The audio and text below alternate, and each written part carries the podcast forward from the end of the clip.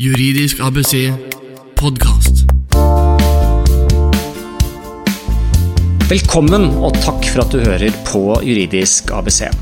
Hvis det er første gang du hører på denne podkasten, så kan jeg fortelle deg at dette er podkasten for deg som vil lære mer om juridiske spørsmål som de fleste av oss kommer borti. Her på podkasten snakker vi om arbeidsrettslige temaer, dvs. Si alt som kan dukke opp av spørsmål knyttet til ansettelse, oppsigelse og alt mellom det. Så snakker vi om juridiske temaer som har med hus og hjem å gjøre, både eiendomsjuss og familierettslige spørsmål. Og i dag skal vi snakke om arverett. Før vi kaster oss ut i dagens episode, har jeg imidlertid noen korte annonseringer. For det første. Podkasten har rundet år. Første episode ble lagt ut sommeren 2014, og etter en lang sommerferie nå i 2015 så er vi klar for vår andre høstsesong, og det er bare så utrolig gøy. Hvis du har fulgt med oss på veien frem til eh, denne episoden, så vil jeg takke deg spesielt og si at eh, jeg er veldig ydmyk og takknemlig for at du har hørt på. Hvis du har vært inne på iTunes og lagt inn noen hyggelige anmeldelser eller gitt oss noen stjerner, så er det selvfølgelig et kjempestort pluss. Men eh, også hvis du abonnerer på, på podkasten, så er jeg veldig glad for det. For det er jo sånn at selv om dette er en reklamefri podkast, så er det klart at uten lyttere hadde ikke vært noen vits i å legge så mye tid og krefter i å produsere disse episodene. Så eh, til dere som har vært med oss hele veien, tusen, tusen takk. Og til eh, deg som er ny lytter her, sånn, så håper jeg du kan gå tilbake og høre på noen av de perlene som ligger i arkivet.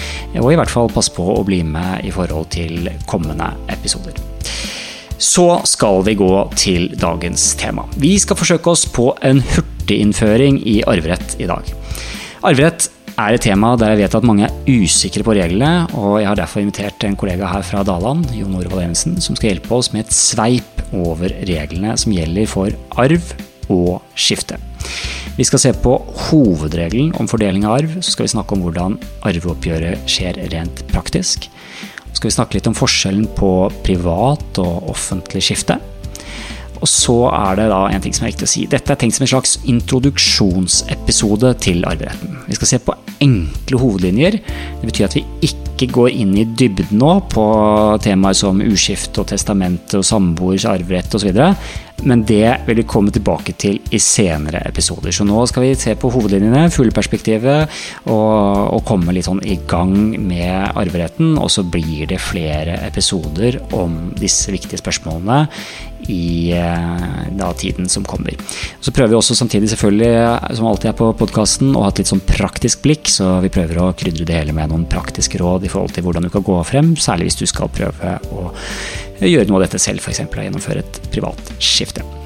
Så da skal vi straks kaste oss over dagens tema. Først må vi introdusere gjesten, selvfølgelig. Jon Norvald Evensen er altså med her i studio i dag. Jon Norvald har bred erfaring innenfor kontraktsrett, skatt og selskapsrett.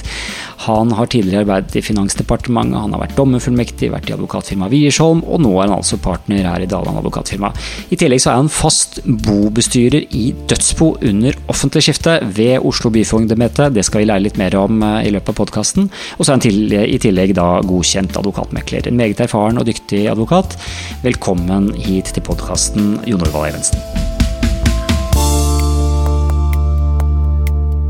Jon Norvald, uh, i dag skal vi prøve å gjøre det som er uh, egentlig helt umulig, nemlig å presse inn uh, mesteparten av det man trenger å vite om arverett på en liten podkast. Jeg skjønner at det er et veldig ambisiøst program vi har, og vi som advokater vil gjerne ta alle mulige forbehold, så her vil det nødvendigvis bli fokus på hovedlinjene, og det kan være detaljer som, som vi da ikke får fanget opp. Men kan du begynne med å si oss litt om kildene når vi skal se på arveretten? Hvor er det vi finner reglene? Det viktigste er arveloven, som er fra 1972. Og eh, dernest skifteloven, som er helt tilbake fra 1930. Og eh, ja, de er i grunnen det viktigste. Det må jeg si. Begge deler, begge regelsettene er under revisjon, og det er planlagt nye, nye lover, men det er de som gjelder inntil videre. Nå får vi forholde oss til de. og Hvis vi går på arveloven, så vet vi at eh, arveloven den har regler om arv dels på bakgrunn av slektskap, og dels pga. ekteskap. Eh, I tillegg så er det veldig mange andre regler også, hvis vi begynner der. Eh, kan du si litt da, Jon Orvald, om eh, Vi har en sånn arvetre, eller eh, arvetavle, eh, som viser eh, forskjellige typer arveklasser. Kan du forklare litt om hva disse arveklassene er, og, og hvem som er i de, og hvordan det henger sammen? Ja, systemet er da slik at uh, arven går uh, i første rekke til uh, egne barn og etterkommere av dem, som kalles da arveklasse 1 og er livsarvinger. Har man ikke livsarvinger, altså barn, barnebarn, oldebarn osv., så, videre, så går arven til arveklasse 2, som Eh, fungerer slik at man eh, anser arven å gå til foreldrene, og de vil jo normalt ikke være i live, og eh, da ned, ned, videre til søsken og eventuelt etterkommere av søsken. Nieser og nivøer og, og barn av disse. Har man heller ikke søsken eller foreldre i live, så Eh, konstruerer man dette slik at man eh, anser arven å gå til den tredje arveklassen, som er besteforeldrene. Og de vil jo nesten alltid være døde, og da eh, ser man på dette slik at det går ned til barn av besteforeldre, altså etterkommere av besteforeldre. Først tanter og onkler, som også ofte vil være døde, og så langt ned som til fettere og kusiner. Eh, og lovens system gjør at man går ikke lenger enn til fettere og kusiner. Og dette er jo selv om vi kjenner jo til familiestrukturene, så kan, jo, kan man bli litt svimmel i forhold til dette med arveklasser osv. For å gjøre det litt enklere for lytterne, hvis man har lyst til å ha dette grafisk for seg, så har vi fått laget en, et grafisk oppsett som viser disse arveklassene. Da kan man gå inn på juridiskabc.no og finne, det, finne, finne podkastepisoden der sånn. Der er den lagt ut uh, som nedlasting. Uh, så den må, man da gjerne ha uh, ved siden av, og har man muligheten til å laste den, så kan man jo hente den med en gang. og ha den ved siden av utover i podkasten. Men da har vi fått litt oversikt eh, Jon Orvald, over eh, disse arveklassene. Juridisk ABC podkast. Hvis vi nå begynner å dykke litt mer ned i forhold til eh, barn, arv til barn, altså til slektskap, og arv til ektefellene, kan du si noe i forhold til fordelingen der? Altså det er jo dels en, en, verdiregel i forhold til hvordan verdiene fordeles, og litt i forhold til hvordan man, man går frem praktisk i, i, de situasjonene hvor man både da, da har en ektefelle og barn. Uh, at avdøde har det. Har man ektefelle, så går arven på en litt annen måte enn en det som vi snakket om når det gjelder elve, nei, arve, arvetreet. Eh, for det første så har eh, ektefellen krav på en minstearv på 4G. Eh, e, altså G er folketrygdens grunnbeløp, og det er per i dag ca. 90 000. Slik at uh, i alle tilfeller så skal en ektefelle da arve minst ca. 360 000 kroner. Uh, er arven uh, Eh, større enn en det, og så etterlater man seg en betydelig formue, så vil eh, ektefellen ha krav på en fjerdedel av det eh, avdøde etter, etterlater seg. Og resten går da til barna, forutsatt at man ikke har testament. Og da, altså resten går til, går, går til, barna i det tilfellet? Da går resten til barna, ja. ja. I det til, tilfellet. Eh, I, eh, I arveloven så har det en regel i forhold til to tredjedels pliktdelsarv også til barna. Kan du forklare litt i forhold til hvordan det henger sammen? Ja, for det vi har snakket om nå er der hvor det ikke foreligger testament. Ja. Og mange, mange skriver testament, og det kan være fornuftig å gjøre i mange situasjoner. Og da det, er det slik at barna skal ha to tredeler av det man etterlater seg. Eh, og eh, har man en stor formue, så kan man begrense denne to tredelen ned til inntil én million til, til, hvert barn. Er det vanlig å gjøre det? Er det noe du opplever eh, i boende du bestyrer? Nei, det er ikke spesielt vanlig. I hvert fall ikke den begrensningen ned til, til 1 million kroner. Så egentlig så høres dette ganske kurant ut i forhold til et, et standardskifte. Man, man, foretar fordelingen i forhold til en fjerdedel til ektefellen, og så resten til barna. og eh, Vanskelig er det egentlig ikke. Nei, det er normaltilfellene, og det er vel i alt overveiende slik det, slik det skjer. Eh, der boet gjøres opp. Men eh, der ektefellene eller avdøde bare har barn sammen med sin ektefelle, så vil normalt også ektefellen overta boet i uskifte. Riktig. Og da vil jo ektefellen sitte og kanskje beholde eiendommen og, og det som ligger av verdier i, i boet. Eh, eh, gjennom uskifteordningen. Eh, mange kjenner jo til, til, prinsippet, det er sånn. Eh, men kan du gå raskt gjennom i forhold til eh, må, må, barna gi samtykke? Eh, I hvilke tilfeller er det eventuelt samtykke må gis? Og, hva er det da ektefellen kan gjøre hvis man sitter i, i uskifte? Utgangspunktet er at eh, alt avdøde eide inngår i uskifteboet eh, sammen med det gjenlevende ektefelle eier. Og gjenlevende ektefelle kan disponere over dette som eh, sitt eget. Det er utgangspunktet og hovedregelen.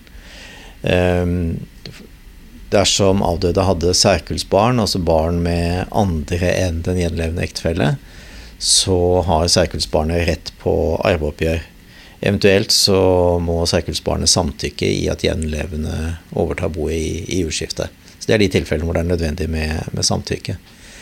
Eh, når det gjelder eh, retten til å disponere over eh, eiendelen i boet, så er som sagt utgangspunktet at man kan bruke eiendelene som det var sine, egne ting.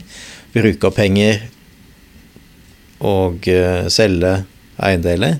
Men eh, det er noen begrensninger. For det første så kan man ikke gi bort fast eiendom. Og for det andre så kan man ikke gi bort gaver som er betydelige i forhold til størrelsen på, på boet. Men man kan leve et, eh, et liv etter egne valg. Så hvis, eh, hvis f.eks. mor blir enke i relativt tidlig alder, og, og far etterlot seg en stor formue, så kan ikke barna eh, protestere mot at mor eh, er, drar på cruisereiser og, og, lever det glade liv og bruker opp arven.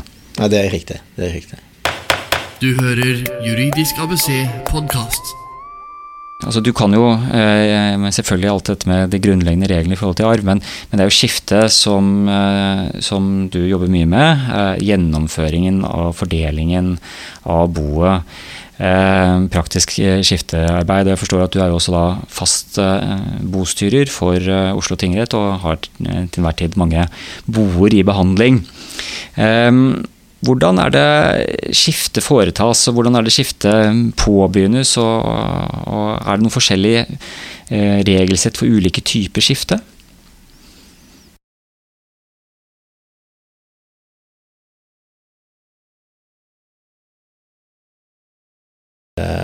styrer og gjør opp gjeld og fordeler eiendeler og verdier seg imellom.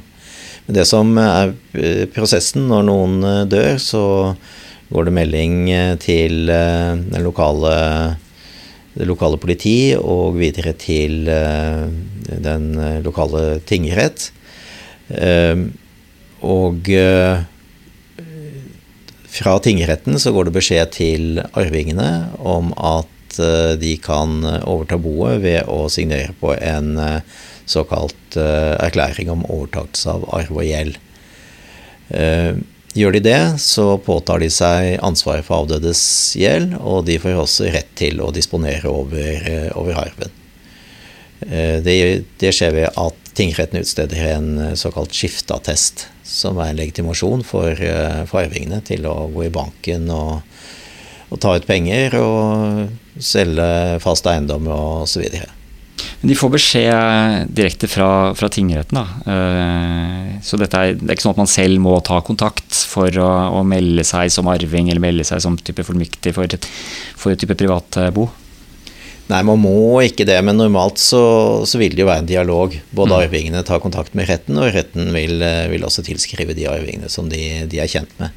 Så um, her vil jeg anbefale at man selv også ta kontakt med, med retten for å sikre at ting skjer riktig, og, og i riktig rekkefølge og raskt nok.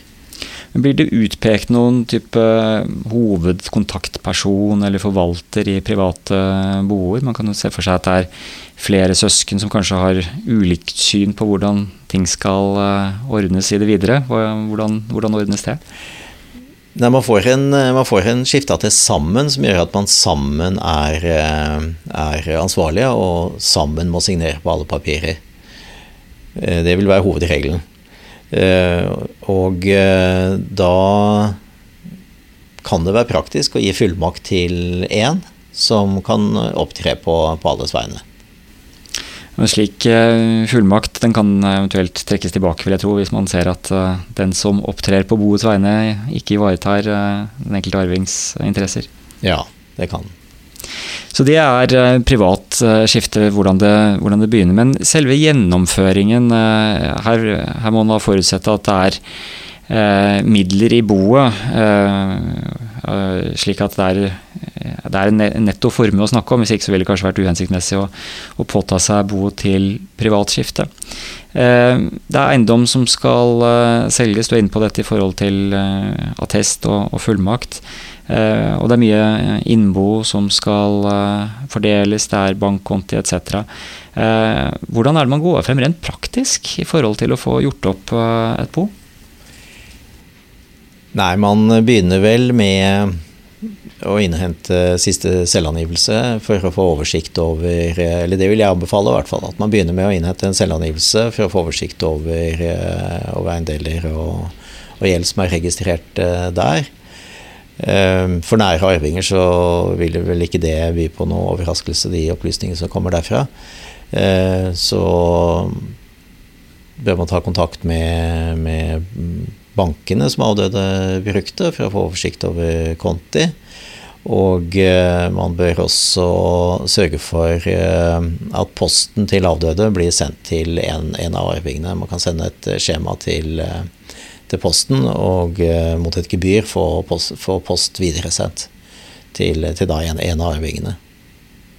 Jeg tror ikke det for nære arvinger vil være spesielt eh, vanskelig å få oversikt over, eh, over eiendeler og, og, og, og gjeld. Eh, men når man har den oversikten, så bør man sette seg ned sammen og ta stilling til hvem som skal ha hvilke eiendeler. For de store eiendelene så man også, må man også ta stilling til om det skal selges, eller om det skal overtas i sameie mellom, mellom arvingene. For det vil ofte være eiendom. Det kan jo være kanskje både en hytte på fjell og et landsted eh, ved, ved sjøen, hvis det er en, en uh, formuende familie her. sånn. Uh, så det er, det er store verdier, altså både kan være følelsesmessige verdier, men selvfølgelig også da pengemessige verdier. Hvordan, hvordan, går man frem i forhold til å fordele det og verdsette de forskjellige eiendelene? Vi vet vi har noe som heter skiftetakst. Er det en vei å gå?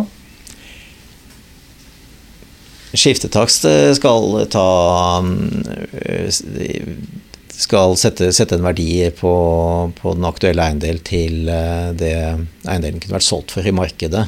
Så det er ikke en spesielt praktisk måte å verdsette ting på. Man kan få taksert på, på ved å bruke eiendomsmegler eller takstmann uten å, å bruke den formelle veien via skifte, skiftetakst. Hovedregelen er at alle eiendeler skal selges hvis man ikke er enig om, om noe annet. Enhver arving, enhver, hver arvingene kan kreve eiendelene solgt. Det er en praktisk viktig eh, regel er at man har det riset bak speilet hvis man eh, ikke oppnår hvis man ikke oppnår at eh, broren som ønsker å overta en hytte på fjellet f.eks. betaler nok, så, så, har man da mulighet til å begjære at alt blir solgt. Ja.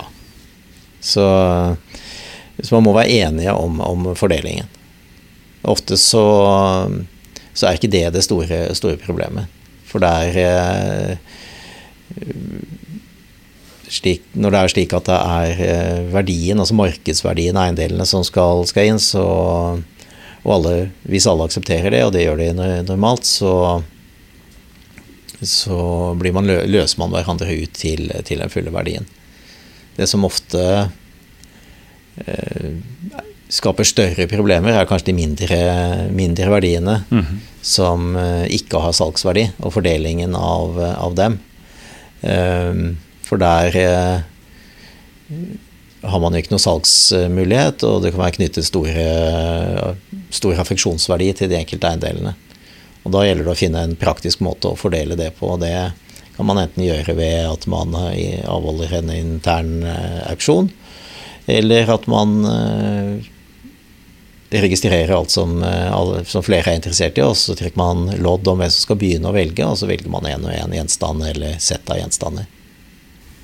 Bra praktiske råd er alltid greit å ta med seg. Men du sa at i forhold til eh, verdisetting på hytter og, og, og eiendom og andre større ting, så løser det seg som regel. Hva er det som ikke løser seg? Du, du sa dette med sentimental verdi og, og, gjenstander som, som kan bety noe i forhold til til eh, det følelsesmessige, men, men er det noen andre typer klassiske problemstillinger som dukker opp, eller eh, kimer til krangel? Eller er det bare et unødvendig spørsmål? Nei, det er ikke et unødvendig spørsmål, men eh, jeg ler litt fordi at alle disse spørsmålene kan på en måte skape kime, kime til, til, krangel. Eh, det er vanskelig å, å skille ut noe spesielt øh, øh, Syns jeg. Det er både de store eiendelene og de små kan, kan kan gi krangel. Hvis, folk, eh, hvis arvingene er eh, uenige og det er dårlig stemning, så kan eh, alle store og små spørsmål skape, skape diskusjoner. I, I, noen av disse boene jeg har offentlig skifte, så er man uenige om absolutt alt. Men det er ikke vanlig. Det er ikke det vanlige. Det vanlige er at man gjennomfører dette i fred og fordragelighet. Avisene skriver jo ofte om uh, opprivende arvekrangler, og det synes som det ikke er grenser for hva man krangler om. Uh, du har vært inne i mange boer, uh, Jan Orvald, og kan liksom gi oss litt fugleperspektiv. Sånn, hvor, vanlig er det med opprivende krangler, og hva er det man egentlig da krangler om?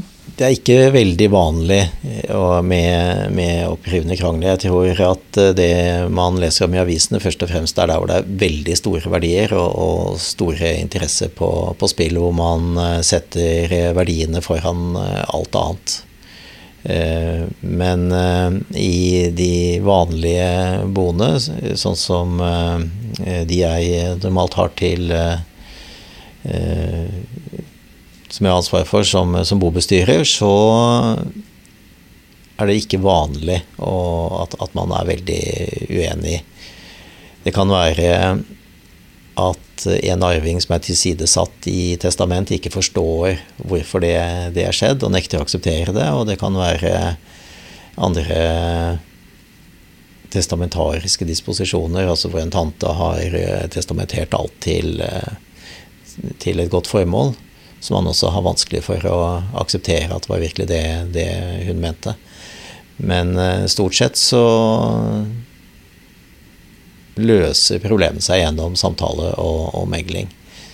Det kan være saklig uenighet på den måten at det er vanskelig å forstå hva som står i et testament, f.eks., som, som må avklares. Og det kan være også vanskelige rettsregler som, som må avklares. Men uh, hovedinntrykket er at uh, det skjer i, i, ordnede former, selv om man er sterkt uh, uenig saklig sett. Da. Dette er Juridisk ABC podkast med advokat Eivind Arntzen.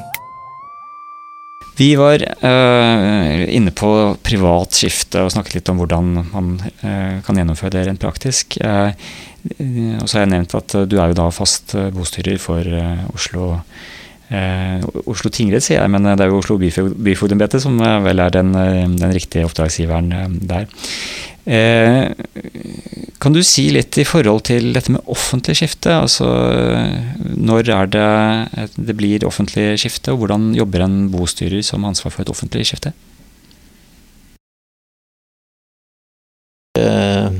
I alle tilfeller ved Oslo byfogdembete der hvor det er offentlig skifte. Og offentlig skifte er noe som innebærer at retten tar ansvaret for booppgjøret. Og det gjør de hvis ingen av arvingene overtar boet. Altså skrive på dette skjemaet som jeg nevnte, ansvar, hvor man overtar ansvar for arv og gjeld. Det kan være mange grunner til at arvingene ikke vil påta seg ansvaret selv. Det kan være usikkerhet om hvor mye gjeld det er i boet, f.eks. Og uh, derfor ikke vil uh, overta dette privatskiftet. Og det kan være at det er uenighet mellom arvingene om fordelingen. Eller det kan være dårlig forhold, at arvingene, ikke snakker sammen eller vil snakke sammen. Eller at de ikke har evne til å selv foreta oppgjøret. Eh, og da vil eh, eh, byfogden i Oslo, ellers tingrettene rundt i landet, åpne, åpne offentlig skifte. Dersom, dersom, det er midler i boet til å dekke utgiftene til, til et sånt skifte. Dersom det er lite midler i boet, så vil det kunne bare ligge, og ingenting, ingenting skjer. Det, det, det hender også. Men eh, åpnes det offentlig skifte, så vil det da normalt da eh, bli oppnevnt en bobestyrer som er en advokat, som eh, tar vanlig honorar for, for det arbeidet som, som gjøres. Og eh, bobestyreren vil da gjøre nå de samme tingene som jeg nevnte man burde gjøre under det private skiftet. Starte med å få en oversikt over eh, eiendeler og gjeld. Det vil være slik at Eh, det utstedes et såkalt prereklusivt proklama, hvor eh, kreditorer må melde seg innen en bestemt frist. Hvis ikke så faller kravet bort. Sånn at man vil eh, da ha en oversikt over, over boet når den fristen er gått ut. Når man da Det er parallelt med dette at man får en oversikt over eiendeler og gjeld, så innkaller man arvingene til et møte. Og det er ikke alltid at man har oversikt over alle arvingene, så eh, vil man få hjelp til å finne de resterende arvingene normalt eh, på dette første, første møtet. Eh, alternativt så må man engasjere en slektsgransker for å finne, finne arvingene. Og Da kommer alle arvingene til deg på kontoret, og så begynner dere å gå løs på problemstillinger i bobehandlingen, da, kan jeg tenke meg? Ja. Det som eh, det som eh, er første, første post, er som, som, sagt å finne en oversikt over arvingene. Dernest en oversikt over eiendeler og, og gjeld. Og så må man ta stilling til hva man skal gjøre med de ulike eiendeler. Om eh, hva, hva, som skal selges, uh, hva man er enig om at enkeltarving kan overta, og eh, hva man gjør med, med løsøre f.eks., som normalt ikke har noe salgsverdi. Hvor lang tid pleier det å ta med en sånn offentlig bobehandling?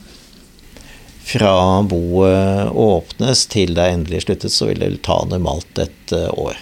Riktig, så det, det tar en stund med da disse proklamafristene og, og løpende fordeling og kanskje avhending av ja. eiendeler osv. Ja, for det er, det er, en del prosesser man må gjennom når det offentlige skifter. Eh, når, når, alt er eh, fordelt eller man har i hvert fall enighet om hvordan ting skal fordeles. Og, og eh, man har et sluttperspektiv. Man vet når boet skal sluttes. Så må man sende såkalt begjæring om forhåndsligning til eh, ligningsmyndighetene. Det må man også gjøre ved, nei, ved privat uh, skifte. Men det kan man gjøre parallelt med det private skiftet. I det offentlige skiftet så må man vente på denne forholdsligningen før man kan eh, sende alle papirene til retten for at boet skal sluttes. Det tar inntil tre måneder, da. Og eh, etter at man sender papirene til eh, retten, så tar det to måneder til. Så bare der kan det ta fem måneder på slutten.